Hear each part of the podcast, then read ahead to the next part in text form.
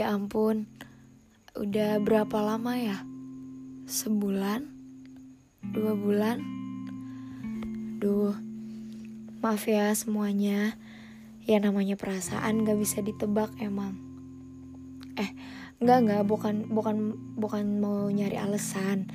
Ya intinya saya seneng banget bisa balik lagi ke kalian um, di tengah pandemi ini tuh saya ngerasa banyak banget kehilangan.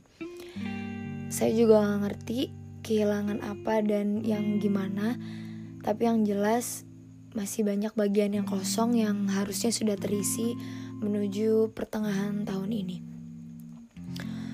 Oh iya, ngomong-ngomong soal kehilangan, hmm, apa ya? Saya punya cerita Dulu saya pernah punya pasangan. Setelah lima tahun, kami memutuskan buat jalan masing-masing aja gitu. Saya lupa detailsnya gimana, tapi intinya ya gitu deh.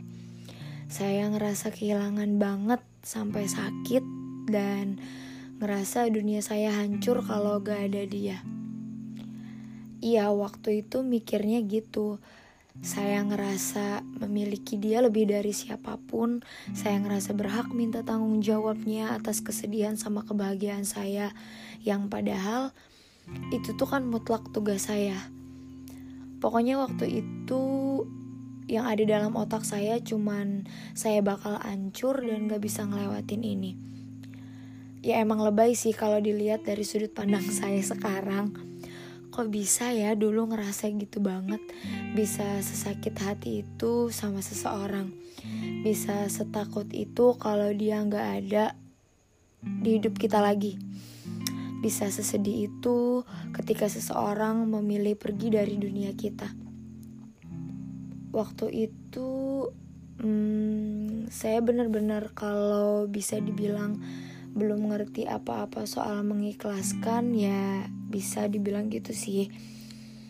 Uh, pun sampai saat ini sih kayaknya. Itu proses belajar sepanjang hidup sih menurut saya.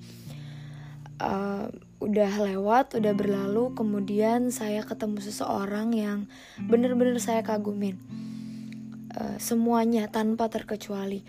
Pokoknya kayaknya dia mungkin part paling baik dan paling mengagumkan dalam hidup saya sampai saat ini. Dan lagi saya ngerasa kehilangan yang padahal kami sendiri belum sempat saling memiliki. Nah, dari dua kasus ini saya belajar kayaknya rasa memiliki bukan yang paling baik yang harusnya saya rawat. Uh, apa memiliki kehilangan lebih baik kalau saya pikir sih, karena kalau kita sudah memiliki kehilangan, kita gak akan pernah ngerasa kehilangan kan? Ya logikanya sih waktu itu gitu. Tapi saya gak bilang rasa memiliki itu jelek, nggak. Cuman setelah dipikir-pikir, rasa itu tuh bikin saya pribadi tersiksa sendiri. Sulit sih emang, sulit sulit banget deh buat gak ngerasa gitu. Cuman kayaknya itu terbentuk dari kebiasaan-kebiasaan aja. Yang awalnya padahal ya bisa aja tanpa dia. Tiba-tiba dia datang banyak yang dilaluin banyak yang dilewatin terus akhirnya pas gak ada kita ngerasa khawatir semuanya gak berjalan baik-baik aja tanpa dia. Yang padahal belum tentu yang sebelumnya tuh kita sebenarnya baik-baik aja tanpa dia.